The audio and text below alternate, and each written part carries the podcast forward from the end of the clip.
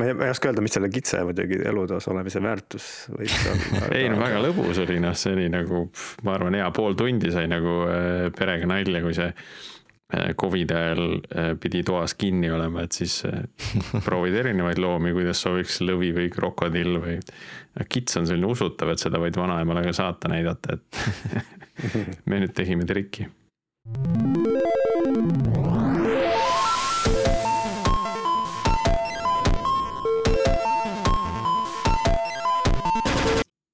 tere jälle Algorütmi kuulama, eetris on meie kahesaja seitsmeteistkümnes episood, mille toovad teieni Pipedrive, Nortal ja Veriff. mina olen Priit Liivak ja koos minuga täna Martin Kapp.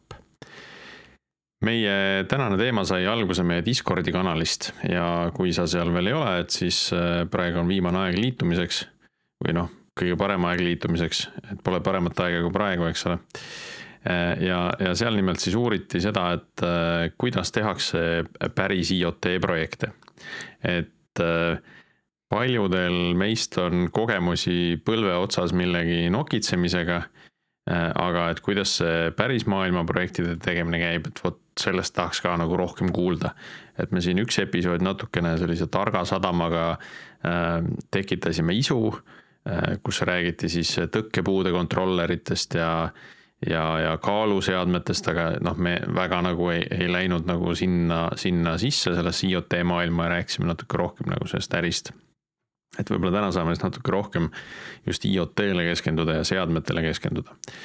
Äh, Martin, ma tean, et sina oled ka kodus midagi nokitsenud, tarka kodu arendanud mm. -hmm. no ma veel päris ise ei ole ehitanud nagu mingeid asju, aga tõesti see sihuke huvi ja nagu noh, hopikitt on nagu olemas kuskil, et ma. kui ma sinnani jõuan, siis ma saaks nagu ehitada nüüd küll midagi ja, ja paar ideed on ka olnud, aga aga see, vot see on see hobi ja töö vahe, eks ole. et hobini, hobi võid teha siis, kui aega on, on ju. Mhm, või isu on, jah, ja noh, alati ei ole seda aga, aga selles mõttes on jah, see on sihuke huvitav värk nagu minu jaoks ka alati olnud, et nagu kuidas seda päriselt teha ja kuidas seda suures skaalas teha, vot see on ka nagu omaette asi veel no minu ja. kogemus on, on selline, et minu arust me rääkisime sellest ka meie äh, targa kodu episoodis äh,. et, et mul on ka kuskil Home Assistant tiksub nurgas, ma olen ise ühe, ühe ESP kolmkümmend kaks nagu seadme noh no, disaininud ka ja siis sinna nagu veidike koodi kirjutanud. aga Äh, kogemus on see, et noh, et kõik see värk on ikka üsna ebastabiilne, et nagu mm -hmm.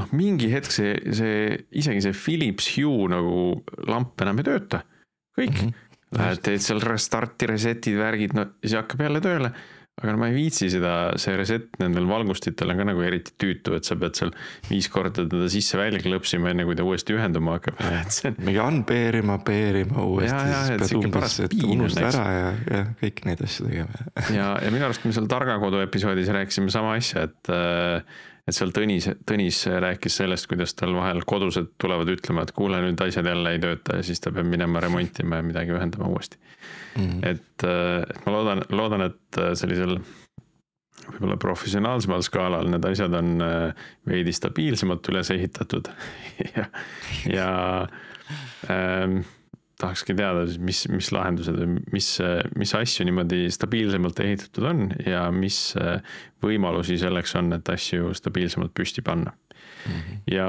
selleks on meil täna külas Mobilabi tegevjuht Veiko Raime, kes siis räägib lähemalt Mobilabi IoT projektide teostamisest ja kogemusest ning kõigest sellest, millega tema siis IoT maailmas kokku puutub.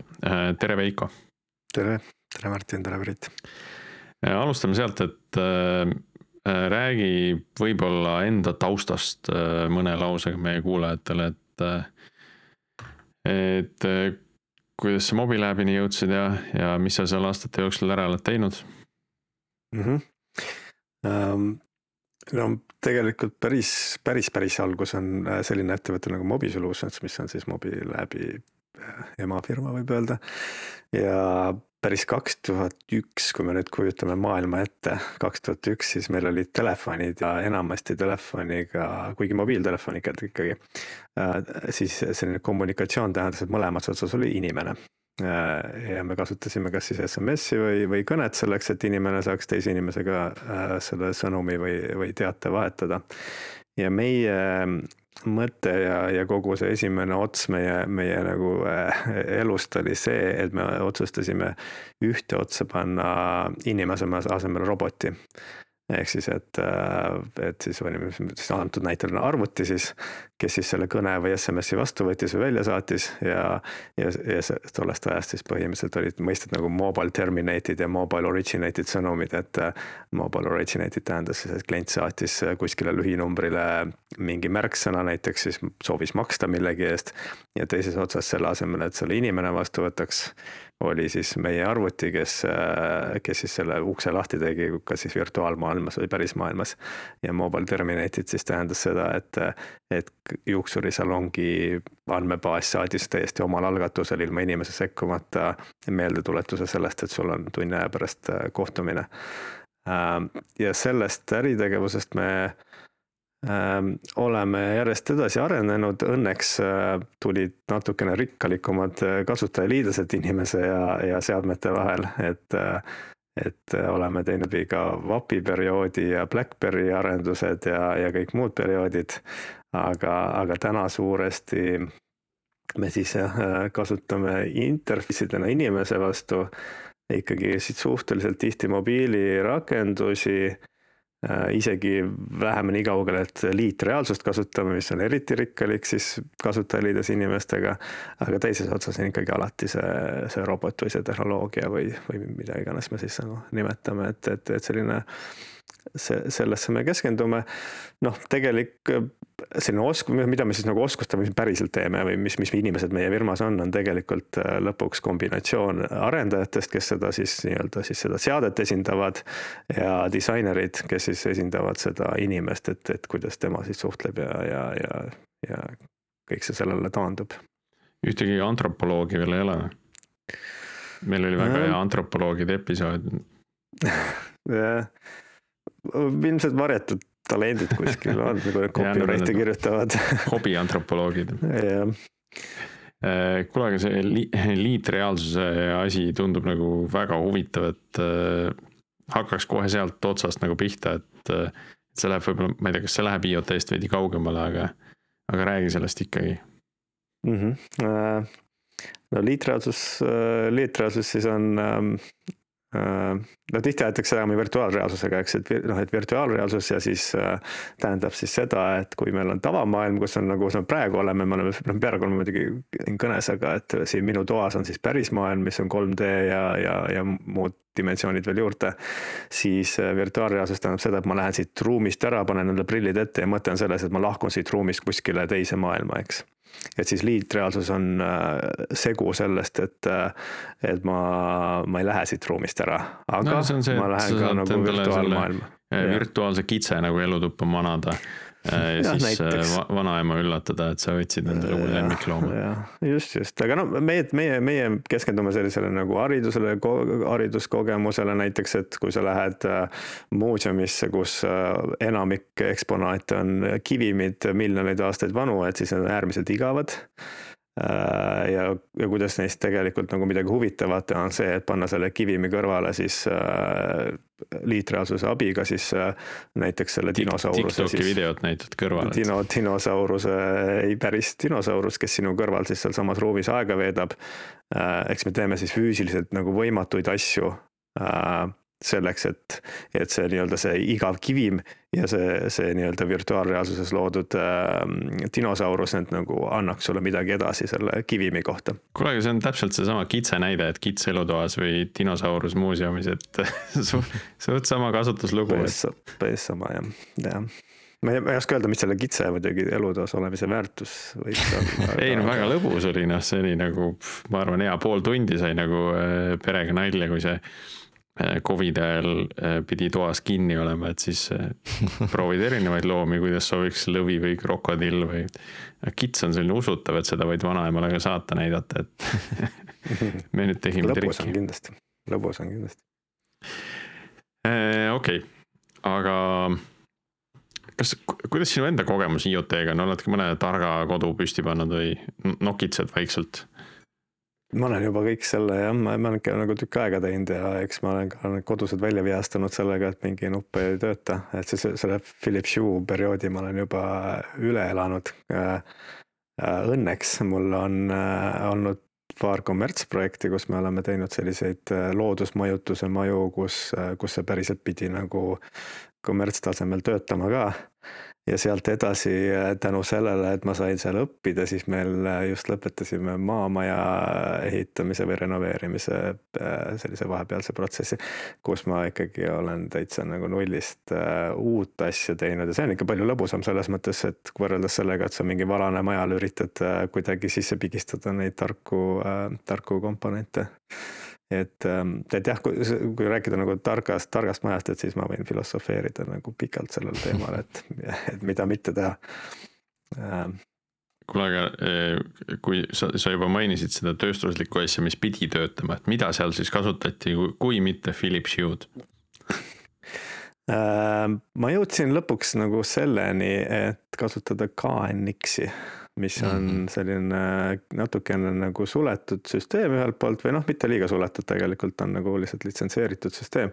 aga, aga mille nagu mõte on jah selles, et, et sa eelistad pigem kaableid, ehk siis sa ehitad selle maja selle jaoks ja teiseks ähm, teiseks selle, sul on nagu nii-öelda komponendid vahetatavad äh,. noh, sa pead arvestama sellega, et see pirn mingi, noh pirne tegelikult KNX-is otseselt ei ole, aga et, et mingi relee läbi kõrbeb, et siis see võiks olla asendatav ja ta võiks olla ka asendatav siis, kui sellel tootja seda mudelit enam ei ole, et, et ta võiks olla nagu piisavalt avatud ka. ja, ja ma ja, ja, ja viimase asjana, mis on nagu kõige olulisem, on tegelikult see, et, et, et, et minu meelest tuleks nagu eraldada ära need protokollid, et mis asjad võivad üle interneti käia ja mis ei tohi üle interneti käia.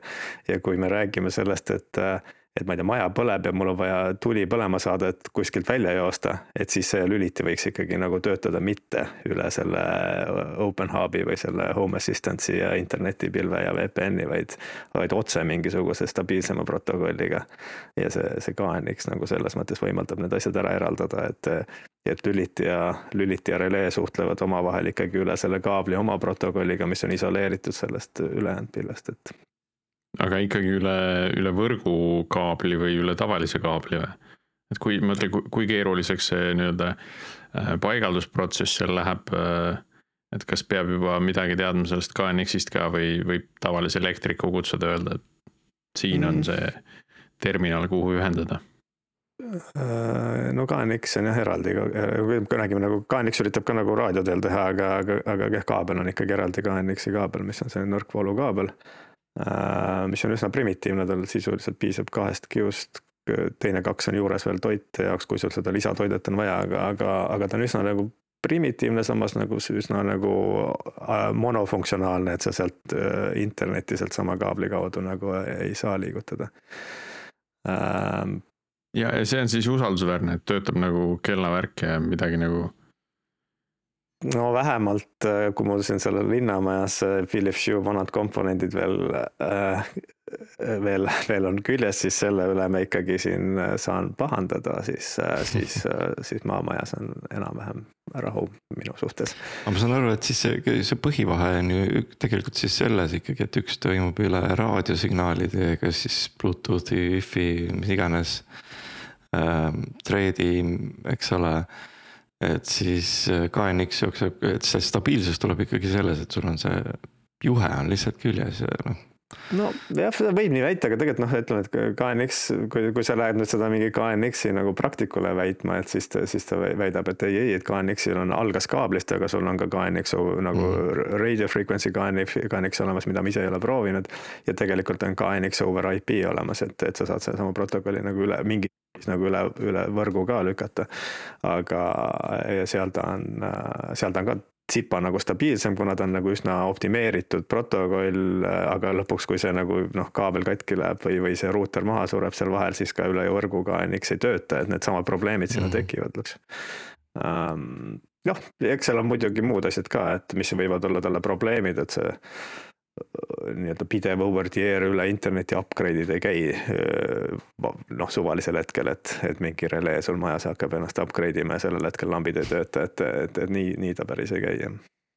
-hmm. nii, aga kui sa noh, seda praktilist kasutuskohta juba mainisid, et, et kui siin ongi nüüd äh, turismitalu või mingi RMK kompleks, noh, nende jaoks on hind ülitähtis ju, et, et mis, mis see puusalt nagu see hinnalipik sellisel küljes on, et mis see litsents maksab? Äh, litsents ei maksa suurt midagi, litsents vist oli ikka sada aastas või midagi sellist, kui sa seal tahad sellest nagu proovimisest välja minna, proovida saad seal nelja komponendiga tasuta ka, aga aga pigem on see nagu natuke seda õppimiskurvi, et kuidas see programmeerimine käib nendel sõnumipõhistel protokollidel on ta nagu natuke teist, teise filosoofiaga, kui me võib-olla harjunud oleme. Ja ja, ja teine küsimus on, et seadmed ise, et kuna nad ikkagi noh, me räägime selline ABB, Siemens äh, laadsetest tootjatest, äh, siis, äh, siis ta päris selline Oomi poest ostetud odav vidin tihti ei ole, et, et aga noh, ütleme, et sellise mikromaja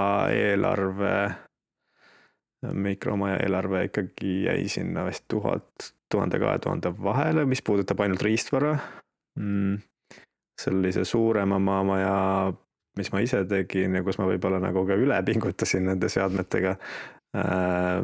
jäi vist äkki kolme tuhande kanti, et noh, ta ei ole ka nagu ulme, aga kui me jah, võrdleme siin mingit noh, nagu Omipoe selliste üle interneti laadsete tükkidega ühe tootja lock-in'iga, et siis need on ilmselt odavamad.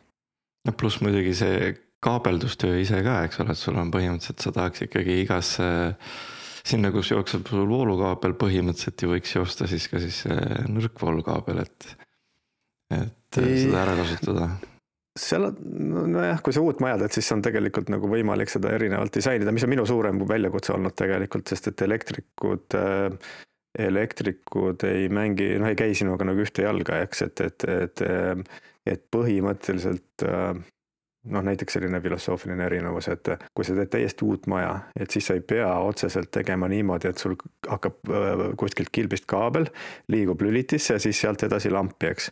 et, et sa tegelikult võid tuua kõik lambid eraldi kilpi ja sa võid kõik lülitid tuua eraldi kilpi, mis tähendab seda, kogu see nagu kokku kombineerimine on nagu füüsiliselt ühes kohas aga noh, tee see nüüd nagu elektrikule selgeks, et kuule, et ma tahan nagu sellist värki, et noh, et mm, -hmm. et sealt veaks mingit rohkem kaableid. siis, siis ta nagu natuke vajab veenmist, aga, aga tehtav. no lõpuks klient on kuningas äh, aga äh, hüpates nüüd nende, nende pärismaailma projektide juurde, et äh, üks, üks mure nagu, mida noh, mis oli kodus põlve otsas nokitsemisel sageli on, on just see, et, et kus ma siis oma seda koodi hoian ja, ja noh, et, siis sa paned ühe asja kuskile GitHubi projekti ja, ja teise asja teise projekti ja lõpuks on kõik pilla-palla ja mingit automaatset nagu töövoogu ei ole nagu selle asja äh, siis uuendamisel on ju, et kõik käib ikkagi suhteliselt käsitsi, et, et et ma uuendan selle koodi ära, commit'in sinna GitHubi, siis võtan selle koodi oma selle läpaka peale, lähen selle seadme juurde on ju, ühendan USB-ga külge ja siis hakkan mingit äh, uuendust tegema, et noh, et see ma eeldan, et, et sellises nagu kliendiprojektides nagu päris sellisel tasemel see asi ei käi, et, et räägiks, räägiks nagu sellest poolest ka, et kuidas seda, kuidas seda töövoogu üldse üles ehitada, et hakkame, ma ei tea, kuskilt, kuskilt otsast pihta. ja, ja mis on seal need nüansid, mida nagu arvesse võtta mm,? no ütleme, et kui seal on nagu selline nagu investeering versus nagu ehituse, noh, see on investeering versus nagu käsitsi tegemise nagu otsus alati vaja teha, et mis on klassikaline, et sõltub sellest, palju sul neid asju ja, ja neid nii-öelda seadmeid on, eks, et kuna sa, kui sa ehitad sellist nagu automatiseeritud üle, üle õhu installeerimist, et siis sellel on selgelt mingisugune kulu, noh, sellel protsessil endal pluss sellel tarkvaral ka. ja ja alati tuleb nagu hinnata ilmselt, et palju sul neid seadmeid tegelikult on, et, et, et meil on ka nagu selliseid projekte siin olnud, kus me räägime ühest laost, kus sõidab ringi üks või kaks seadet, eks, et siis sinna nüüd ehitada üles automatiseeritud protsess, kus me siis nagu need kaks seadet iseennast uuendavad automaatselt ära, kui me oleme teinud seda ja seda. tihtilugu ei ole lihtsalt mõtet, et siis me ehitame endale lihtsalt tagaukse selleks, et me saaks sinna seadmesse ikkagi oma kontorist sisse, ehk siis esimest korda ikkagi üritame mitte kohale sõita ja teha selle uuenduse ära. Äh, ja kui noh, see ebaõnnestub, mis on muidugi risk ükskõik millise upgrade'i protsessiga, et siis muidugi tuleb valmis olla autosse istuda, aga loodetavasti, kui see on hästi planeeritud, siis ta ei, siis ta ei vaja seda. ja ma loodan, et su kliendid ka ikka teavad, et nende seadmetes on mingid tagauksed sees, käite seal uuendusi tegemas. ikka no loomulikult, aga no ega selles mõttes, ega see over the air äh, tarkvara iseenesest on ka tagauks, et, et see on, see on üsna suure turvariskiga tagauks tegelikkuses, et, et selles mõttes see vajab ka nagu omaette turvalisuse mõttes omaette planeerimist, eks. Aga millal sa ütleks, et see siis juba nagu ära tasub, et kui palju neid seadmeid siis olema peab? Seal laos, et äh, ring, ringi sõitmas, et, et üle õhu nagu ühelt poolt see keerukuse lisandumine ära tasuks ja teiselt poolt siis see turvariski äh, sissevõtmine nagu ära tasuks no me pigem noh, me ise riistvara ei ehita, aga et, et ütleme, kui ma nende enda klientide näol vaatan, et siis pigem selline viiskümmend pluss seadet ilmselt tasub selline nagu ära automatiseeritud päris ühekaupa neid läbi käia on nagu võib-olla liiga suur käsitöö mm. -hmm. siin kahtekümmet nelja, viite me oleme ikka käsitsi veel teinud ka tihtipeale mm. -hmm. mingeid selliseid äh, kliendile sobivaid uh,, kuidas ma ütlen noh, selliseid rakendusi, et sa ütled kliendile, et äh, võta nüüd oma läpakas, tee see äpp lahti, äh, mine ühenda sinna USB porti ja siis äh, vajuta OK nuppu ja siis noh, tõmmatakse uus uuendus sinna kliendimasinasse ja siis laetakse sinna seadmesse, selliseid asju ei ole teinud. siis ei pea ka kohale sõitma, nagu see on lihtsalt mingi operaator on, kes teeb asju me vist oleme nagu äh, sellise nagu kasutajakogemuse teenuse disaini nagu sellised nagu tugevad, tugevat usku, et me ei näe, et me peaks klienti sundima mingit nagu tarkvarast aru mhm. saama.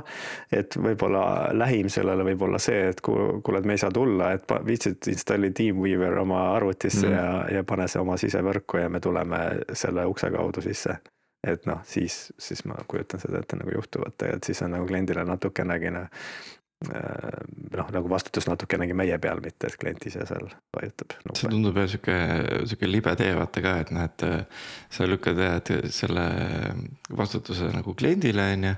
klient, võib-olla tal isegi ei jookse see installer oma arvutis, mis iganes permission ite või asjade põhjusel või siis upgrade fail ib ja siis läheb veel hullemaks olukord et siis, mis tema siis peale hakkab, ta ei, tõenäoliselt ei oska mida, mitte midagi sellega peale hakata, kui seal midagi. see avab täiesti uue ukse, mis on nagu vigade debug imine on ju, et see, see, see, see on veel omaette teema, mida ja. sa. enne kui me sinna hüppame, äh, küsin veel selle ära, et kas, kas ei ole ette tulnud nagu selliseid kliente, kelle puhul ei olegi nagu teist varianti, et tulebki kohale sõita, kes noh, et ma seadmed ei tohigi olla internetis, eks ole, et äh, võib-olla mingisugused äh, mm, sellised haiglaseadmed, võib-olla kuskil mingi kaitseotstarbel tehtud asjad, on ju, et hmm..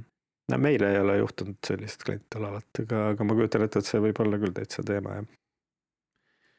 nii, aga debug imine, et kas selle jaoks see, see on kindlasti nagu suur ja äge teema, et kui sul ongi nüüd see viiskümmend seadet seal ähm,. Ja, ja mingid asjad ei tööta, et äh, mis mm. siis saab, et ku, kuidas siis tulebki põhimõtteliselt sõita kohale ja vaadata, mis seal toimub või?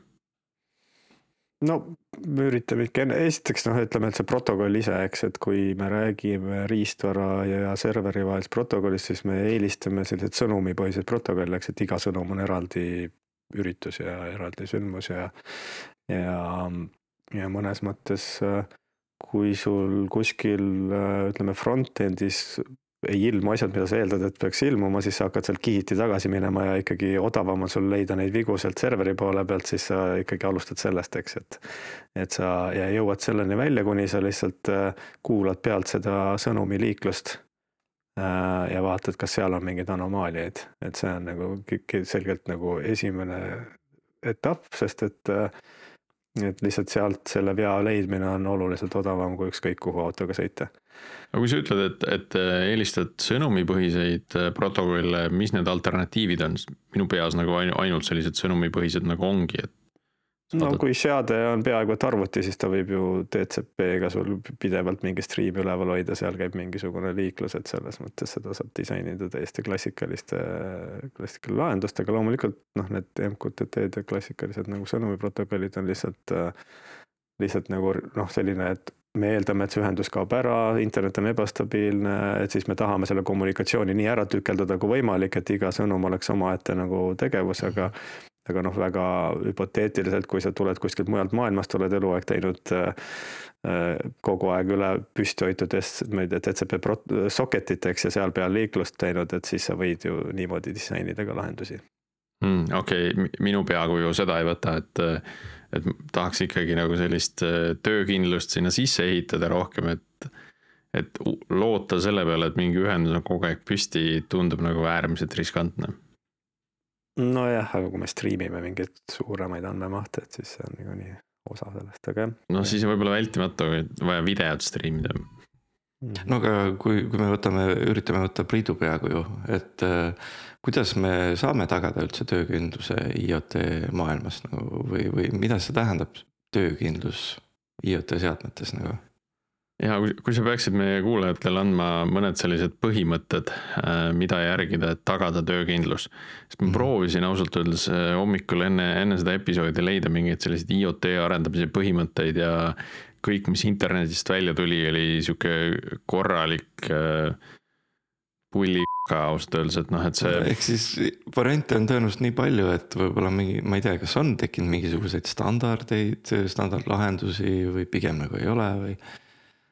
Et. ma kahtlustan, et Äh, nojah, ma arvan, et see läheb võib-olla minu valdkonnast välja, et kuna me oleme ise, ise ikkagi selline nagu rakenduskihi arendajad ja kliendikihi arendajad ja, ja inimese kihi arendajad, et siis me võib-olla oleme nagu rohkem tarbijad kui selle ise väljamõtlejad, et, et võib-olla peab siin nagu väga sellise riistvara disaini poole vaatama, aga aga noh, mingid eeldused me ikka loome on ju süsteemidele, et, et, et, et selles mõttes see töökindlus peab noh, nagu see self-recovery ja mis iganes, et noh, restart peab ikkagi nagu action'ina nagu päriselt töötama, eks, et, et kui kõik muu ebaõnnestub, et kliendi support'i mõttes ja nii edasi, et, et sellised asjad äh, peavad sinna nagu sisse disainitud olema.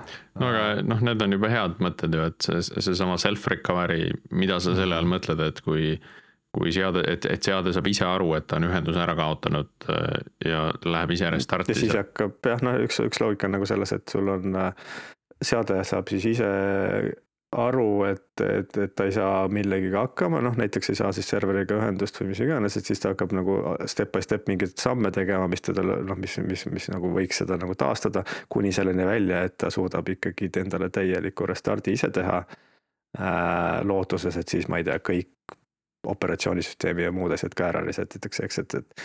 et, et sellised asjad ilmselt peaks sinna nagu sisse juhtuma, loomulikult on seal riskid ka, et kui see viga ikkagi recover'ist ja jääbki sinna nagu loop ima, aga. aga, aga see on ikkagi parem kui see, et sa lihtsalt sellepärast, et ühte restardi nuppu vajutada, peaksid autoga kuskile sõitma, et mm aga too, kus äkki saame nagu natukene võib-olla rohkem konteksti tuua, et. et mis tüüpi IoT seadmeid te siis nagu või noh, mingi näide näiteks, et mis te mm. olete siis teinud mingist projektist. et see võib ju olla täiesti noh, nagu seinast seina, IoT yeah. tähendab mida iganes, eks ole et mu külmkapp siin kodus võib olla IoT, aga võib-olla ka täiesti hoopis noh, mingi väga hea masin on ju. Mm. või, või. ma korra enne kui ma jah, ma toon pärast tööstusnäitega, ma ühe asja nagu ütlen, et. et IoT-s on alati nagu ka oluline enda jaoks defineerida, mis on see nagu äh,. mis on see nagu remote seade, kodude puhul on see alati nagu minu jaoks filosoofiline küsimus, et näiteks autode puhul, et. et kui sa võtad auto on ju, et siis me ikkagi eeldame, et auto on üks seade, mis siis, millele me ühenduma ja, ja mis siis vastab mulle sealt vastu, eks mm. -hmm. aga millegipärast kodu puhul me ei eelda seda, et kodu ei ole nagu üks tervik, mis siis võtab ühe, kellega sa võtad ühendust ja vastab sulle. vaid kodu puhul me võime iga pirniga, iga lülitiga eraldi suhelda. et aga, aga kui see oleks niimoodi ka autos, eks, et, et suunatule lüliti ja siis suunatule lamp on nagu eraldi IoT seadmed, et noh, et selles mõttes seal on ka nagu selline põnev, põnev teema, eks, mida, mida võib nagu lõputult lahata, aga aga, aga, aga jah, et äh, no ühe näitena ma võin tuua näiteks, et meil on siin Tartus üks tehas, äh, Respo, kus meil on äh, näiteks üks seade, mis sõidab koos traktoriga, mis seal, mis seal laos on, ringi ja teeb pidevalt inventuuri. ehk siis ta vaatab siis, kus ta asub ja, ja mis tema ümber tooted asuvad RFID-dega ja, ja märgib siis, et aa, ma nägin seda toodet siin viimati sellel ajal ja tekitab, tekitab sellise nagu inventuuri, mille pealt siis saab teha järgmist, järgmisena siis mingisuguseid rakenduskihte, et keegi otsib mingit toodet või keegi arvas, et see on kadunud, et siis on info olemas, et, et kuna ta kus oli mm vot, see annab juba palju ideed sellest, et noh, et mis see seade, et kui ma peaks hakkama nüüd ise sihukest seadet tegema, et mis komponente mul kõiki sinna juurde vaja on, on ju. et äh, ilmselt on mingid kaamerad, mis vaatab mingeid asju. No, RF, me, me kasutame, jah, me kasutame RFID-d aga võib, võib seda kaameraga ka teha, jah. no aga noh, seal tekib selline päris korralik sõnumite, sõnumite voog, on ju. et mm -hmm. kõik need äh, sildid äh,, proovisin eesti keeles tag'i tõlkida. Et kõik need sildid, mida kohatakse, need, need ju saadetakse siis teele. et ega ta nagu ise mingit suurt tarkust ei tee ja kuidas, kuidas, kuidas see on tagatud näiteks, et ta ühte silti mitu korda ei loe või siis on suva, et oli nüüd, oli nüüd siin koordinaadi peal ja siis läheb nagu kakskümmend sentimeetrit edasi ja siis on nagu jälle sama, sama silt, et noh mõtet. see on, äh, vot see on sellele valiku küsimus, et kui palju tarkust sa sinna seadmesse paned, et sa pead leidma seal mingisuguse balansi ja põhimõtteliselt ega see on nagu selles mõttes õige märkus, et äh, kui sa tahad hästi äh, nagu serveripõhiselt hästi nagu debug itavat olukorda, et ma saan kogu aeg jälgida, mis, mis nagu jama on, siis sa saadaks hea meelega kõik, mis sul on, sa saadaks kõik GPS event'id, mida on nagu iga sekund üks ja sa saadaks, kui ta on õues ja, ja, ja siis saadaks kogu aeg neid nagu silte, mida on nagu kümme, kümme ja rohkem ümber selle traktori kogu aeg kogu aeg, ehk siis seda nagu liiklust on päris palju, mis saab tegelikkuses noh, mõnes mõttes ja siis sa tahad nagu ajalugu ka maha jätta, sa tahad teada, mis juhtus nagu eelmine päev, kui kliendil probleem oli. Et põhimõtteliselt võiks nii teha, aga see muutub jällegi nagu kalliks, eks, et, et sa andmebaas, andmeliiklus äh,, tekitad mingeid uusi riske äh, endale ja nii edasi, et siis hakkad mõtlema, et okei okay,, kui palju tarkust ma sinna seadmesse siis viin. Ähm, meie oleme viinud teatud hulga tarkust sinna seadmesse selleks, et seda liiklust optimeerida, eks me vaatame, et kas ikkagi päriselt on uuele koordinaadile liigutud piisavalt arvu meetreid, et üldse on nagu midagi relevantset põhjust lugeda. ja siis vaatame ka seda, et RFID tag'ide sündmused me ei saada siis, kui me tegelikult ei tea traktori asukohta, sest sellel pole mingit väärtust. et see, see tarkvara teeb teatud hulga loogikat ja sa seda, seda loogikat ja seda filtrit sinna vahele ehitades võtad sa teatud riski selles, et et kui tekib mingi viga, sa ei leia seda nii-öelda serveri poole liiklusest ülesse. et meil on ka olnud selline konkreetne olukord selle konkreetse seadmega, et äh, GPS-i antenni juhe oli natuke lahti. ja, ja, ja, ja see, see raport, mis nagu tuli sisse, on see, et seade ei lähe käima sest sead ei saatnud ühtegi event'i. ja, aga ta ei saatnud sellepärast ühtegi event'i, et, et seal loogikas oli üsna nagu tuimalt sisse kirjutatud, et kui traktor asub äh, ruumis sees, siis, äh, siis ära, ära näe vaeva. ära, ära saada meile neid RFID tag'i info, et meil sellest ei ole kasu. Äh, aga tegelikkuses lihtsalt GPS, GPS-i modem siis reageeris sellele niimoodi, et, et kui signaali ei olnud, antenn oli lahti, siis, siis ei tekkinud seda sündmust, millega siis nagu loogika võiks sõnumeid saata, eks. Õnneks oli seal muidugi keep alive ping ka, mis siis nagu vihjas sellele, et tegelikkuses asi ei ole. Äh, selline ja me saime nagu pakkuda siis nagu lahendusi äh, mingisugusele antenni probleemidele, aga, aga, aga noh, see on näide sellest, et kus sa, kui seal oleks kogu aeg kogu see liiklus sisse tulnud, et ja tag'id tulevad, aga GPS-i event ei tule, et siis me saaks nagu palju kiiremini sellele nagu lille kaugelt. Mm. -hmm see on huvitav probleem, mida, mida lahendada ja, ja noh, see toob mind ka kohe järgmise teemani, mis on sellise, sellise seadme peal oleva äh, püsivara testimine siis. et noh, et kui kaugele sa saad seda testimist teha üldse ilma, äh, ilma seda seadet omamata, eks äh, kas te umbes noh, kui te seda asja arendasite, äh, kas see tähendas, et teil oli kontoris nagu täpselt samasugune ja hunnik RFI, RFI-de tag'e nagu ümber, et, et üldse testida või, või kõik need asjad, äh, suurem osa oli nagu simuleeritud? ei, meil on jah, et ikka kontoris on seade olemas, noh, meil on sellised nagu meil on näiteks noh, sealsamas Respo puhul on see automaatne müügiplatvorm, kus sa saad neid haagiseid lahti võtta ja nii edasi. ja me ikkagi ühe, üks-kaks seadet jätame nagu endale kontorisse, mille puhul siis neid noh, ikka oma upgrade'e läbi testida, eks, et, et meil on ikkagi vaja see nagu päriselt läbi testida või et kui mingi olukord tekib seal, seesama hüpotees, et näiteks GPS-i antenniga on probleem, tundub, et kõik vihjab sellele, et siis meil on lihtsam see kontoris see hüpotees nagu ära testida äh, sellises nagu päris keskkonnas, et, et päris nagu me nii ei ole jah õnnestunud, et päris tarkvaraselt simuleerida. see on ka natuke nagu sellest, et eks me nagu sellise arenduskihi või noh, sellise nagu rakenduskihi firmana me sõltume natuke nendest ähm, madala taseme tarkvaradest ja seadmetest ka, et me peame eeldama, et ka seal on bugisid. ja, ja selle tõttu me võib-olla peame nagu pigem testima päris asjadega, mis on nagu koopia, koopia või noh, sama, samad versioonid siis nagu päris äh, laivis olevatest asjadest. et see on lihtsalt sellest võib-olla meist tulenev probleem natuke äh, nii, aga selle töövoo juurde tagasi tulles, et kuidas äh, noh, kuidas seal siis käib see, et ütleme, kood on seal Giti repos ähm,. arendaja tõmbab selle endale alla, ehitab selle lokaalselt kokku, laeb selle üles sinna seadmesse äh,. testib, et jah, siin seadmes töötab, võtab sellesama paki. Sõidab sellega kliendi juurde, paneb sinna uue selle püsivara peale või, või, või on see noh. mulle tundub, et, et see on täiesti nagu valid protsess äh,, aga aga miks sa sinna kliendi juurde sõidad, meil on Aa, meil, on, meil, on, meil on tagauks ja, ja, ja. noh, et meil on tooted siin, see Nkrok ja sellised, mis lubavad sul nagu sellise turvalise tagaukse ette ikkagi, et et me ikkagi pigem logime sinna seadmesse kaugemalt sisse, noh, kui see on mingi targem, suurem seade nii-öelda nagu see RFID lugeja on ikkagi peaaegu et arvuti, mingi noh, nõrgem arvuti, et. et sinna me saame sisse logida, laadida uue paketi, paki ülesse, mis on enne kontoris ära testitud. ja siis äh, sunnime selle seadme restartima ja, ja, ja jookseb uue, uue nagu tarkvara versiooniga, et. no, et siis et on isegi võimalik seda nii-öelda CI-CD pipeline'i ehitada, et, et, et seal on nagu kaks sammu, üks, mis uuendab testseadet ja järgmine, mis uuendab Äh, sama versiooniga siis äh, nii-öelda toodangseadet, on ju. ja, ja, jah, noh, meil see teine kliendi näite puhul, kes teeb siis, äh, teate, Kinemat, et Sensori nimelist firmat, et, et nemad jah, me jällegi ei ole selle riistvara autorid, aga et, et neil on siis nagu MQTT protokolli peal kõik, et et seal käib see ikkagi sellise nagu sõnum initsieerib siis selle, et kuule, et nüüd on uuem tarkvara saadaval ja siis ta ikkagi ise otsib selle tarkvara versiooni, tõmbab endale sisse, teeb ise restardi, et seal on ta nagu rohkem automatiseeritud, aga aga põhimõtteliselt äh, põhimõtteliselt selline lahendus peab seal sisse olema ehitatud, et kui ta on natuke lihtsalt suurem seade, siis sa logid sinna sisse ja teed seda võib-olla kuidagi seal seadme interface'is käsitsi, kui ta on natuke väiksem seade, siis sa,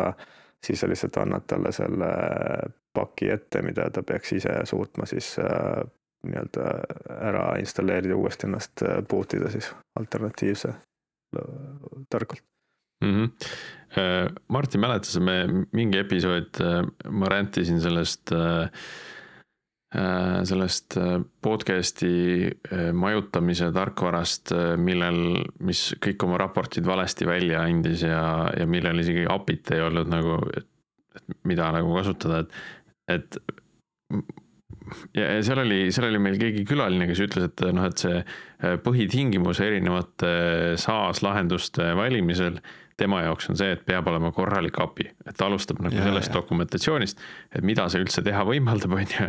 et kui see ei ole nagu korralik või hästi dokumenteeritud, noh et siis, siis see lendab aknast välja, ükskõik kui hea toode see on, on ju.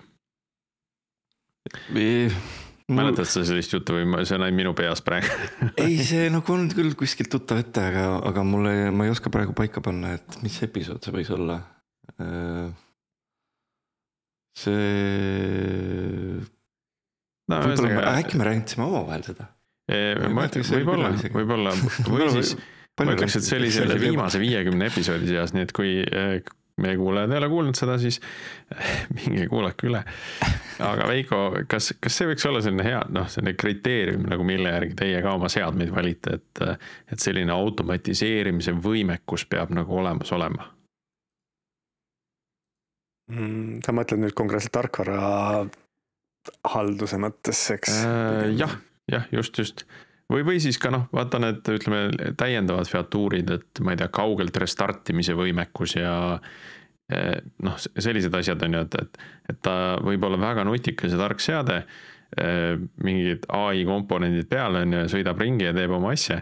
aga kui teda kaugelt nagu sest kill switch'i ei ole või tarkvara uuendada ei saa, et noh, et siis on tast vähe kasu ja ilmselt küll jah, ja ma, isegi nagu pean tunnistama, et ega võib-olla see ongi mingi standard, mida ma ei tea täpselt, aga ega ju väga palju seadmeid täna me ju ei osta, millel ei ole over the air update'i. mul isegi ei tule praegu väga palju neid pähe, mis. no sul pole nagu ette tulnud, aga ma arvan, et neid on seal turul nagu olemas ikka. et kuidagi see on noh ähm, et kui ma näiteks mõtlen enda, enda pesumasina peale, et, et ega see ei oska endal mingit äh, püsivara uuendada, see oskab ainult sinna ühte programmi alla laadida. mis minu jaoks nii ilgelt tüütu, ma tahaks kõike muuta nagu, et miks ma pean ainult seda ühte nagu seal, noh, miks see üks on ainult lubatud, on ju. et see on mõneti nagu selline piiratud funktsionaalsus või selline nagu peale kruvitud, et oo oh, fancy, et sa saad nagu üle õhu endale ühe programmi nagu juurde laadida aga noh, tegelikult see ei ole nagu see terviklik API, mida ma ootaksin, et see on. kui kaugele sa sellega läheks, kas autol, autol, minu auto suudab upgrade ida seda meedia osa, eks, et mida me seal ekraani peal saan näha ja, ja, ja, ja nii edasi, aga ta. ta vist ei uuenda ikkagi päris seda, et kas, kuidas suunatule lülitist nagu suunatule lampi signaalid liiguvad, et. et, et kui, kui kaugele sa selle nagu over the air nagu riskiga läheksid, et Äh, vot ma ei teagi, ma arvan, nendel IT-inimestel on üldiselt see, see komme, et nad tahavad nagu peale vaadata ja näha, et oh, võimas API, ma saan nagu palju asju teha sellega. et, et. no ma arvan, et küsimus on ikkagi see, et, et sa ei taha ju ikkagi ka kompromiteerida seda töökindlust, vaata, et kui. kui keegi saaks mul autol tõesti remotely suunatuld sisse-välja lülitada, no see võiks isegi nagu nets ohtlik olla mõnes, mõnel hetkel, vaata no aga kuskil, mida, mida seal kuskil nagu täna. Q lagib ja siis kuskilt tuleb tagantjärgi signaal, et näita nüüd suunatuld nagu aga täna, kas, kas ei ole mitte võimalik ka uksi avada nagu reaalselt, et sa saad, noh, et uks, uks tuleb lahti, on ju no ilmselt seda ei saa sõidu pealt jälle teha, et mingi tarkus on sinna sisse ehitatud, on ju. noh, aga noh, seal ongi küsimus, et kas see tarkus, et äh, sõidu pealt uks, ust ei saa lahti teha, on, äh, on selles tarkvara osas, mida sa saad, noh nagu uuendada või mitte, ehk siis kas sa saad selle tark, selle nagu nii-öelda kontrolli sealt maha võtta lihtsalt over the air update'iga või see on ikkagi nagu seal selles nagu auto selles -hmm. osas, mida ei saa uuendada. ja ma kahtlustan ka, et see on pigem nagu autos on nagu see turvakontroll juba sees mm et see on selle maja näide ka, eks, et, et, et, et mis asjad jooksevad üle KNX-i ja mis jooksevad üle võrgu, et. et seda KNX-i võiks mitte, mitte nagu suvalisel hetkel äh, puudutada ja, ja, ja võib-olla seda, kuidas, ma ei tea hämaras äh, mingi majaesine lamp olema läheb automaatikaga, seda võid uuendada üle õhu, eks, et seal on ka need turvatasemed on erinevad mm. -hmm. et äh, jõuluaeg paned veidi, veidi värvilisema valguse ja siis muidu, muidu hoiad nagu külmavalgena mm. -hmm. Äh, nii äh,. Veiko, kas sa oskad rääkida ka midagi tööriistadest, et kui, kui nüüd sa võrdled äh, selliseid arendustiime, kes tegelevad, ma ei tea, mobiilirakenduste arendamise või veebirakenduste arendamisega. Äh, just nagu IoT tiimidega, et, et kas seal IoT maailmas on nagu midagi teistsugust noh, me sellest debug imisest rääkisime, võib-olla mingite üle, üle õhu signaalide püüdmine on ju, et korjad neid raad-, raadiosignaale üles, et noh, kas seda nagu tehakse või tegelikult seda ei ole vaja? no meie näitel meie näitel liiga palju ei ole vaja, eks noh, näiteks selle RFID keskkonna mingi mõõtmine loomulikult on mingi selline teema, mida võib-olla on mingil hetkel vaja, noh, me, me emuleerisime seda kuidagi teisiti, aga aga jah, et, et sul on selliseid võistlevaid mõni mingites protokollides on sul selliseid nagu võistlevaid eetri, eetrikasutajaid rohkem, et siis sul on võib-olla lihtsam seda keskkonda mõõta mingi primitiivsemate füüsiliste mõõteseadmetega. aga aga ma otseselt ma ei näe, et see nagu tohutult erinev on.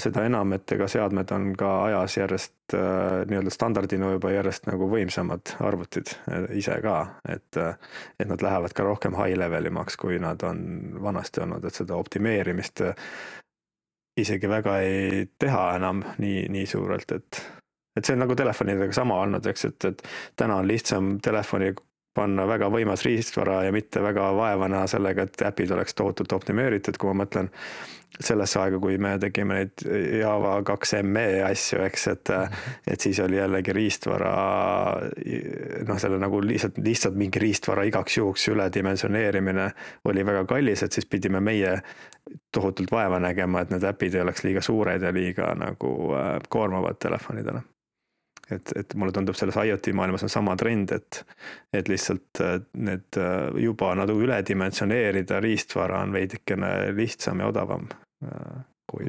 sellega seoses just tuli meelde, et ma leidsin oma kuskilt oma vana Nokia E50 vist oli see mudel. mis oli juba siis natuke suurema ekraaniga, värviline sihuke, tõmbas ka neid Java äppe alla, on ju. ja, ja siis oli seal ka mingisugune siis nagu mäng oli, vaatasin võtab kettal ruumi sada kakskümmend kilobaiti. siis mõtlesin, et okei okay,, et kui ma praegu läheksin kuskile, ma ei tea, iPhone'i App Store'i. siis alla neljakümne mega ma vist ei saa mitte midagi kätte jah, et, et äh, see on, see muudatus on küll päris jõhker olnud nagu kuidas yeah jah, see ei tähenda seda, et suvaline lambipirn on nagu täismõõtmes arvuti, eks, et, et eks tal ikkagi on mingi optimeerimine, aga, aga jah, mõte on nagu jah selles, et need lihtsalt visati igaks juhuks mingi kiip sinna sisse, et äkki kunagi läheb vaja, on tihtipeale nagu fraasid, mida ma olen kuulnud. Nii, me, enne episoodi hästi põgusalt puudutasime seda pilveplatvormide teemat ka, et äh, täna äh, noh, kõigil on mingisugune IoT lahendus olemas, nii, nii Amazonil, Microsoftil, äh, Google'il on mingisugused IoT noh, terve seeria tooteid on ju IoT teemalisi. Äh, et mis, mis sinu kokkupuude nende lahendustega on ja, ja millal ja kellele üldse neid vaja võiks olla mm.? no me oleme jah, no tegelikult on veel nagu äh, sellised suured enterprise asjad nagu Cumulocityd ja, ja ma ei tea, kas need nimed on tuttavad, aga noh, me oleme nagu tihtipeale jõudnud selleni, et meie mahtude juures nad on ühelt poolt nagu overkill, noh, see on nagu nii ja naa, et, et Google'i lubadus on loomulikult, et hakka nagu vaikselt kasutama ja see hinnastamine tekib hiljem ja siis sa oled seal nagu lock-in'is, eks, et see on, see on nagu ühtepidi nagu võib-olla teema, teistpidi. Mm, ja siis on noh, jah, keeruline nagu välja sealt minna äh,, seda enam, et riistvara puhul tihti on see, see kommunikatsioon, noh, seal riistvarasse tihtipeale mingeid asju sisse ka kirjutatud, mis eeldavad, et see sellesama IP-d ja asjad on veel kättesaadavad, noh see on nagu selline disaini küsimus, aga et, et, et võib nii teha. ja, ja, ja lock-in on olemas, et meie oleme ikkagi lõpuks kuidagi jõudnud selleni, et meie mahtude juures me neid ei ole tohutult kasutanud aga see ei tähenda seda, et sellist nagu low-code lähenemist ei saaks kasutada, eks, et meil on noh, kui me räägime MQTT-st, et siis on olemas Mosquito server nagu justkui broker nii-öelda seal vahel, eks, mis, mis võimaldab läbi sul vahepeal isegi debug'ida, et kui sul kõik oma arendatud tarkvara ei usalda, siis vähemalt see nagu broker seal vahel on mingi kolmas osapool, keda sa saad minna ja vaadata, mis seal toimub, eks või, või seal Node-RED-i nimeline mhm. selline low-code protsessi tarkvara aitab sul ka natuke noh, lihtsustada seda nagu ehitust ja debug ida ka sealsamas vahel, et, et, et selles mõttes ja need asjad on nagu täitsa sellised noh, saad võtta endale riski host imise eest ja ise nagu hakata kuskil alla laadida ja hakata ehitama, et. tahtsin öelda suvalise Raspberry Pi peale võid püsti panna no, Node-RED ja need, see Mosquito jooksevad päris äh, väikese ressursi pealt üsna efektiivselt. just. aga kui nüüd neid pilveplatvorme vaadata, et äh, noh, sa seda, seda vendor lock-in'i mainisid. Äh, noh, kui, kui kinni sinna jääb nagu just nagu IoT vaates, et, et noh, ma mõtlen nagu niipidi, et, et kui ma võtan Postgre'e service no tegelikult ei ole vahet, kust ma võtan selle. kui ma võtan äh, ka mingisuguse message queue as a service, äh, noh, väga pole vahet, kust ma võtan selle, ma saan seda vahetada. et see, see vahetamine ei ole nii valus, on ju. et kui ma juba mingisuguse väga spetsiifilise nagu ai lahenduse peale lähen, et siis ma olen nagu rohkem nagu vendor, vendori küljes kinni. et äh, kus see kus see niimoodi IoT maailma mõttes on, et kas sinna jääb kohe väga kinni või, või seal on ka mingid need nii-öelda tüüplahendused või standardsed äh, teenused, mida siis on võimalik ühe ja teise pilveplatvormi poole vaadates vahetada mm,? ilmselt ähm, nojah, et ma arvan, et see lock-in on, noh, ma arvan, et sa pead selle nagu lock-in'i vastu ennast nagu disainima, ma, ma, mulle tundub, et et see ei ole probleem, kui sa teadvustad seda projekti alguses et ja noh, kasvõi seesama IP näide, et, et kui sa, kui noh, me eeldame seda, et seade tihtipeale eraldi, noh, ta ei ole tihtipeale avalikus IP võrgus niikuinii, eks, näiteks mm -hmm. kui me räägime mingist seadmest, et me ei ole nagu hea tava panna, mis tähendab seda, et tihtipeale see kommunikatsioon või noh, see nii-öelda tagauks töötab niimoodi, et seade ise alati see initsieerib selle nii-öelda kommunikatsiooni omalt poolt ja siis võimaldab võib-olla luua ka mingi vastupidise, vastupidise nagu suhtluse siis äh, selle tulemusena. mis tähendab seda, et, et seadmesse on sisse kirjutatud see, et kui sa teda nagu käivitad või ta midagi teeb, et siis ta, kuhu ta hakkab üldse esimese asjana ühendama. Ja, ja kui sa seal nagu oled selle disaini vea näiteks sisse teinud, et sul on seal mingi vendori põhised äh, asjad sees, et siis sa pead sa pead sellega tegelema, eks noh, teoreetiliselt saad sellega niimoodi tegeleda, et saadad over the air update'i enne ette ära, need IP-d töötavad paralleelselt ja nii edasi. aga, aga, aga see kõik on nagu hassle, et, et, et sa pead selle peale no, mõtlema tegelikkuses mulle tundub, et või noh, et nagu ütleme, targa maja juures või targa kodu juures, eks ole, sul on erinevad bridge'id olemas või mingisugune keskne hub on ju. et kas sama pattern on põhimõtteliselt siis ka, kui kui sa kuskil ütleme noh, ütleme, võtame sedasama see RFID-de asi, eks ole, et sul on kohalikud seadmed. Nemad ju otse internetile, esiteks on kulukas ja, ja energia noh, võib-olla tarbib rohkem, et kas. Kas on nagu mõistlik ka, et või et on nagu klientidel oma mingisugune ütleme, mobilaps'i breach mille kaudu siis või hub, eks ole, mille kaudu mm. nagu tegelikult need seadmed suhtlevad hea viis nagu vendor lock-in'i teha kohe oma, oma huup välja. see RFID näide isegi ei ole hea, sest ma arvan, et see on piisavalt kallis ja suur tükk, et ta on lihtsam otse nagu mm. võrku saata. Lihtsalt turvata seda kanalit. aga kui neid seadmeid on nüüd viiskümmend, eks? aga, aga jah, et kui need on seadmed, no, no tegelikkuses ega see nii-öelda mahu mahu pealt, no tegelikult ju Boltid ja Uxid ja kõik on ju internetis mm. -hmm. selles mõttes, et äh, ma arvan, et see nagu väide iseenesest, et nüüd meie kõikidel seadmetel ei ole mõtet otse internetti minna, ei ole tegelikult täna enam nii pädev, ma arvan. et võib-olla see nagu Aga... nagu teisipidi ongi parem, et siis jah. sa disainid selle juba turvalisemalt või? Et äh, noh, küll on neid näiteid ju, kus disainitakse asju hästi lahtiselt selle eeldusega, et et hei, aga see on ju sisevõrgus on ju ja siis tuleb äh, keegi autoga istub aia taha, murrab selle wifi parooli lahti ja on hops on ka sisevõrgus ja saab kõigile nagu kergesti ligi mm,. jah, absoluutselt, et selles mõttes küll.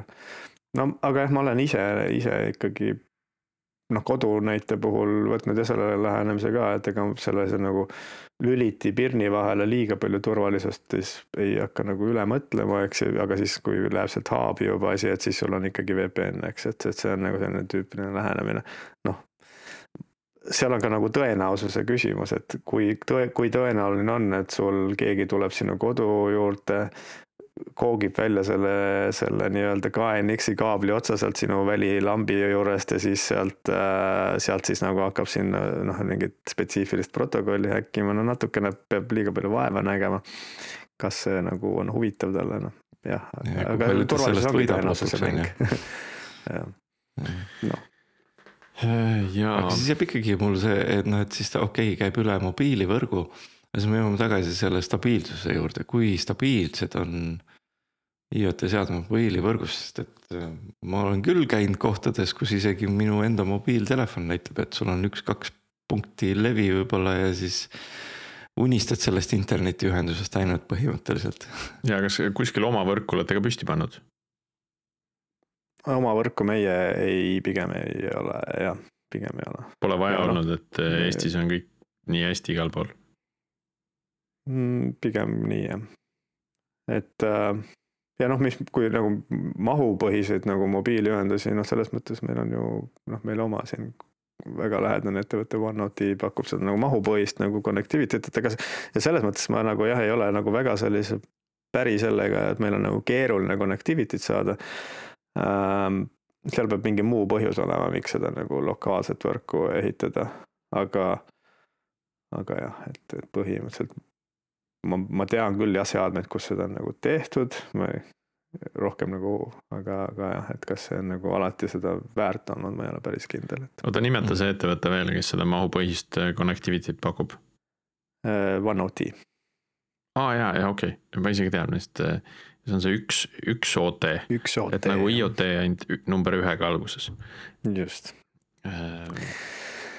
ja on olemas e-SIM-id ja, ja kõike muud, eks, et sa saad ka nagu SIM-e uuendada over the air ja ne, et selles mõttes sul on äh,, sul see nagu connectivity probleem, ma arvan, et ei ole probleem, pigem conne-, pigem mis on probleem, on jah, see turvamine, et, et, et kui sul on kõik selles võrgus ja, ja ja, ja annad veel avalikud IP-d kõigile, mis on nagu eriti tore, et siis, siis sa muidugi pead nagu eriti hästi turvama kõike seda, et et äh....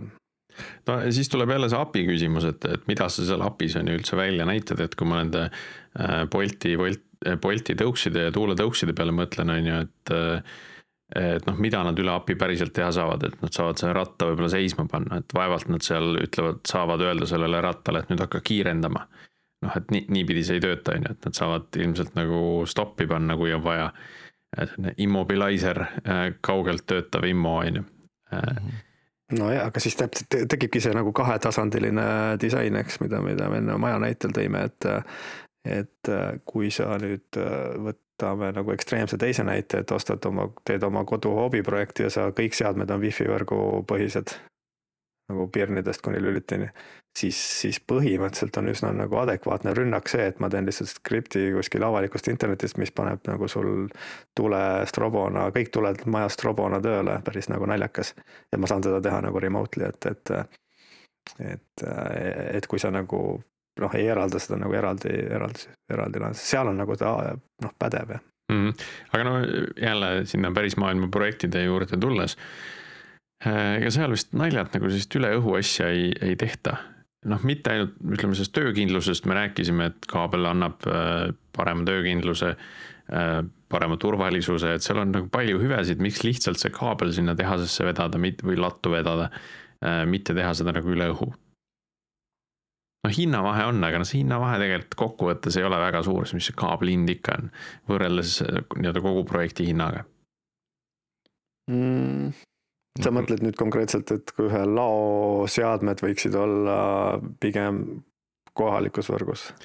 Äh, jah, noh, nad võivad olla seal kohalikus, jah, jah, no, no sõltub seadmest muidugi, kui see seade nagu ringi sõidab, et siis ei saa nagu teda panna juhtmega külge. seal on ka kaks, kaks probleemi, üks on see, et jah, et seesama traktor sõidab ringi suurel alal, et siis seda kogu seda nagu parkla suurust ala nagu wifi võrguga katta oleks eraldi riistvaraprojekt, millel ei ole nagu otsest väärtust, kui sul on seal väga hea mobiilivõrk ja sa suudad seda virtuaal nii-öelda võrku teha seal turvaliselt ehk siis see seade peab toetama sellist nagu VPN-i põhist asja, mis noh, ta suurendab selle nagu seadme sellist nagu riistvara nõudeid, eks, et ta peab suutma seda VPN-i üleval hoidma ka seal.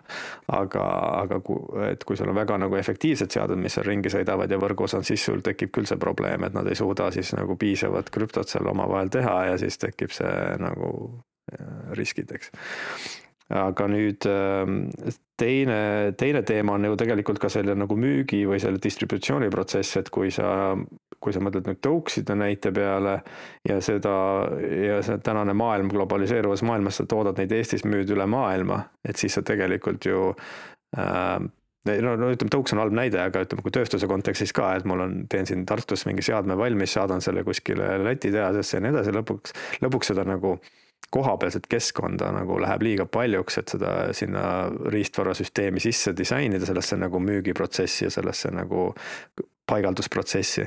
et lõpuks on sul lihtsam panna sinna ikkagi e-SIM või, või SIM, mis on nagu cross-border SIM nii-öelda sisse.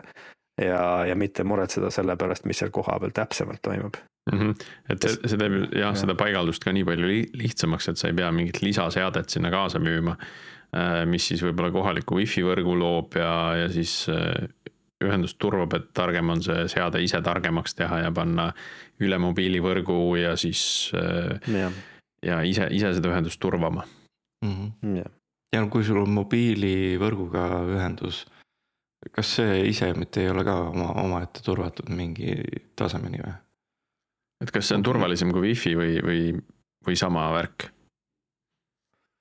Ehm, ma ei ole kunagi uurinud, aga et üritan mõõta seda, et vaadata, mis seal signaalis sees on. mõtlen, mis tüüpi, mis tüüpi, mis tüüpi ründest me räägime jah, et kui, kui sa, kui sa tahad ka enda hoolduse jaoks jätta mingit tagaust, mis noh, et sa jah, sa võid seda ikkagi disainida niimoodi, et ta on ikka mobiilivõrgus üsna sama rünnatav kui isegi hullemini rünnatav kui wifi's, et, et noh, kujutame ette mingi seade, mille tarkvara sa võib-olla oled ka kuskilt nagu standardpaketina saanud kaasa selle, ma ei tea, RFID lugejaga. see on avalikus wifi's äh,, avalikus, avalikus võrgus, eks, et äh, mobiilivõrgus sa oled võib-olla mobiilioperaatorit saanud avaliku IP selleks, et seda nagu restartida kuskilt. et sa võid seda teha tegelikult üsna nagu, üsna rünnatavaks, kui sa, kui sa seda kujundad. kui mõni meie kuulaja oskab seda, seda mõtet veel rohkem avada, et siis meie Discordi server on täpselt selle jaoks, et äh, ju, just võrrelda nagu wifi võrgu äh, haavatavusi mobiilivõrgu omadega, et noh, wifi võrgus on, on teada, et, et äh, saab üsna hõlpsasti nii-öelda kliente sellest wifi võrgust välja lüüa äh, või, või nende ühendust nagu häirida et kas mobiilivõrgus on täpselt sama hõlbus või, või on see nagu pisut turvalisem äh, mingitel põhjustel. tõenäoliselt jah, mobiilivõrk on turvalisem, aga samas on sul see rünne nagu äh, suurema geograafilise haardega, et, et see on nagu selline, et wifi võrgu võib-olla rünne eeldab natuke rohkem füüsilist Mm -hmm. kohalolekut. Mm -hmm. Nii, aga siia episoodi lõppu, Veiko, kas sul jäi veel hingele mõni teema, millest sa arvasid täna rääkivat, aga milleni me tegelikult ei jõudnudki?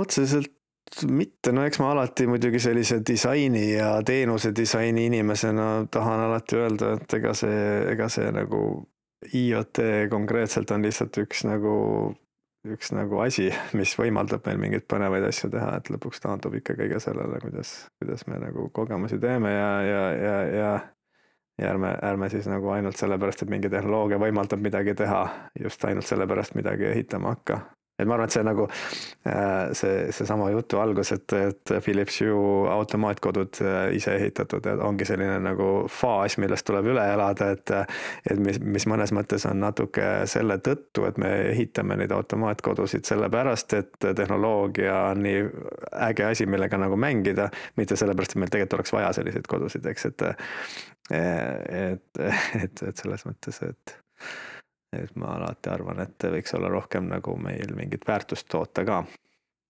sellepärast mulle need, need nii-öelda majutusprojektid nagu meeldivad, et seal on see nagu väärtus natukene käegakatsutavam, sest et selline hoolduskulude vähenemine, kaugemalt nägemine, mis sul toimub, kas sul, ma ei tea, vesi on soe ja kas vesi on otsas, et see, see on nagu, see on nagu selline kohe rahaliselt mõõdetav väärtus alati nendel projektidel. et see vajadus on olemas, on ju, aga kodus mm -hmm seda vajadust, et ma diivanilt tõusmata saan nagu tuled ära lasta, et noh. see on tore asi, mida omada, aga, aga otseselt vajadust ei ole, sest lüliti on seina peal. ja, ja aga no selles mõttes, et elus peab lõbus olema, et kui, kui sa, kui sa inimesena oled see, kes nagu mit-, noh, et kes, kellele meeldib neid asju ehitada, et kui sul meeldib garaažis mootorrattaid parandada, siis loomulikult osta endale nagu kõige vanem mootorratas, mida sa saad seal nagu remontida, et, et sama on selle kodudega, et kui sulle meeldib seda teha, siis seda muidugi tuleb teha, aga seda peakski võtma sellise nagu garaažis mootorratta remontimise tegevusena. peab seda protsessi minu, nautima. minu kõige suurem challenge nagu praegu ka, et noh, et tahaks, noh, et kui sa ei saa algusest peale ehitada, siis see on nagu tarkvara arendama, kui sa paned paar tükki juurde, see ei tähenda, et sul tarkvara valmis on või et ta isegi ei töötaks korralikult, on ju. mis tähendab seda, et tuleb nagu tahaks teha nagu neid ägedaid eh, noh, nii-öelda nagu siukseid parandusi või ka kasulikke asju, ma juba näen ette, mis tulevad kasulikud. aga ta ei tohi segada teiste inimeste tööd, kes ei jaga absoluutselt seda, mida mina teen, on ju seal. et mm, -hmm. et kui see ikkagi tekitab nagu targa maja selle noh, ehitamise protsessis teistele peavalu, siis see on päris, see on juba vaata sihuke omaette väljakutse, et kuidas ehitada niimoodi, et et see toob kasu, nagu sa ütlesid, et see peab tooma kasu. mitte ta, et ta lihtsalt äge oleks, aga et. aga, aga jah, et nende lülitite koha pealt ka, ma näen väga suurt kasu sellest näiteks, kui. kui, kui mu, kui ma saaks niimoodi, et mu vetsutuli läheks ise kustu, kui inimesed välja lähevad sest lapsed on need, kes unustavad selle tihtipeale põlema. siis see tähendab, et sul on mingi andur seal, mis no just, tuvastab just, seda need... inimese kohalolu, mida on just. võimalik teoreetiliselt, kust on võimalik saada nagu väga selliseid, võib öelda tundlikke mhm. andmeid äh, sinu kodu kohta, et kuna keegi on tualetis. jah, jah, aga see on üsna lahendatav probleem jah, et konkreetne näide.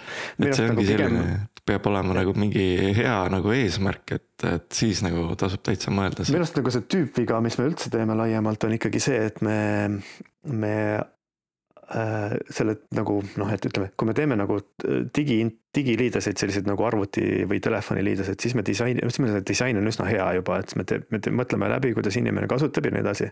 aga kui me lähme nagu risti kasutama näiteks kodu puhul või ka see laotöötaja puhul, siis me tihtipeale ei mõtesta seda nagu süsteemi tervikuna, et ta tegelikult suhtleb selle seadmega nagu mingi nupu kaudu, mingisuguse telefoni kaudu, mingi arvuti kaudu. ja need on kõik tegelikult üks suur interface, nii nagu autos on sul see meedia player ja siis on see suunatulelülitis, need on kõik tegelikult üks suur interface, eks.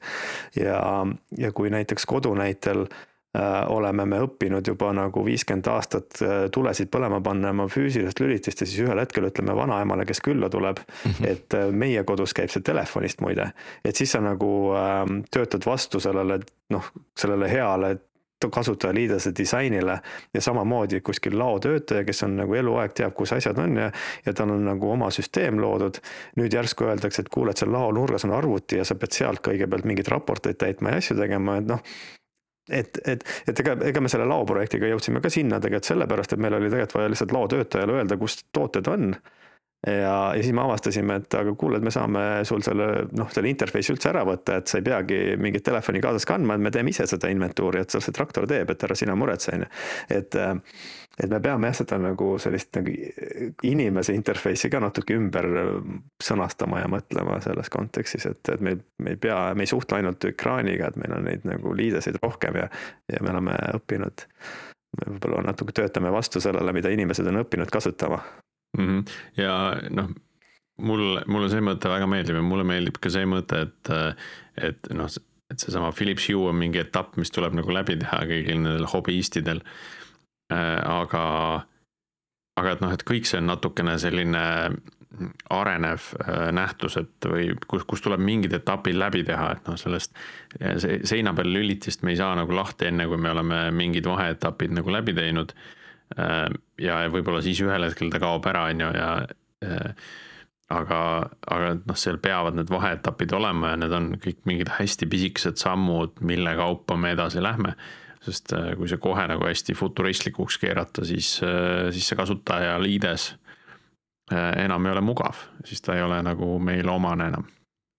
Absoluutselt jah, ja noh, digiliidestes me oleme ka seda näinud, et kui me iPhone'id tulid, siis meil oli hästi palju sellist päris füüsiliste nuppude emuleerimist või noh, sul nagu hästi disain oli selle keskne, et see nagu nupp nägi välja nagu füüsiline nupp ja siis sa said aru, mis sellega teha. ja nüüd me ei pea seda enam tegema, sest me oleme õppinud aru saama, kuidas nagu digiliidid töötavad. ja sõrmejälje lugemine on võib-olla väga hea, et eh, noh, nüüd ju enam telefoniekraan ei näitagi seda kohta, kus sa selle panema pead, et sa eh, lihtsalt saad seda teha, varem oli see nagu noh, alati oli see näpujälg oli seal, et pane nüüd oma näpp siia selle täpselt selle koha peale.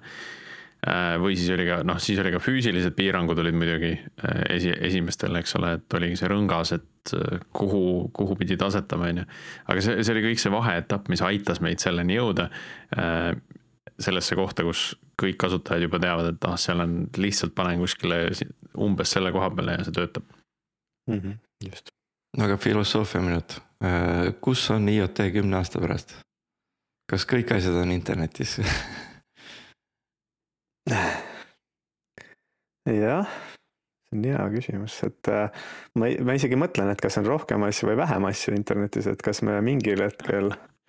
et ai võtab üle, teeb selle revolutsiooni ja siis me jõuame tagasi äh, ühenduseta aega ja oleme kõik rõõmsad selle, selle üle, et asjad pole internetis mõtlen, et kas see jah, mingi tagurpidi loogikana me teeme selle faasi läbi, et, et, et et pesumasin peab internetis olema, aga lõpuks saame aru, et selle nagu lisaväärtus on nii madal, et äkki on nagu primitiivsem lihtsalt nagu vähem tehnoloogiat sisse panna, see on natuke nagu hübriidmootoritega autod, et. et mingil hetkel on kaks mootorit auto peal ja siis lähme nagu lihtsamaks, on ainult üks mootor jälle, eks, et. et kas, kas me võib-olla nagu läbi selle etapi tehes äkki avastame, et mingid asjad ei vajagi teatud hulka tarkust ma pean ütlema ka, et selle pesumasina näitel noh, kõige kasulikum asi, mis ma sealt on see, saan, on see notification, et nii, nüüd on pestud, mine tõsta ühest masinast teise juhul, kui ma ei kuule seda piuksu. Ja.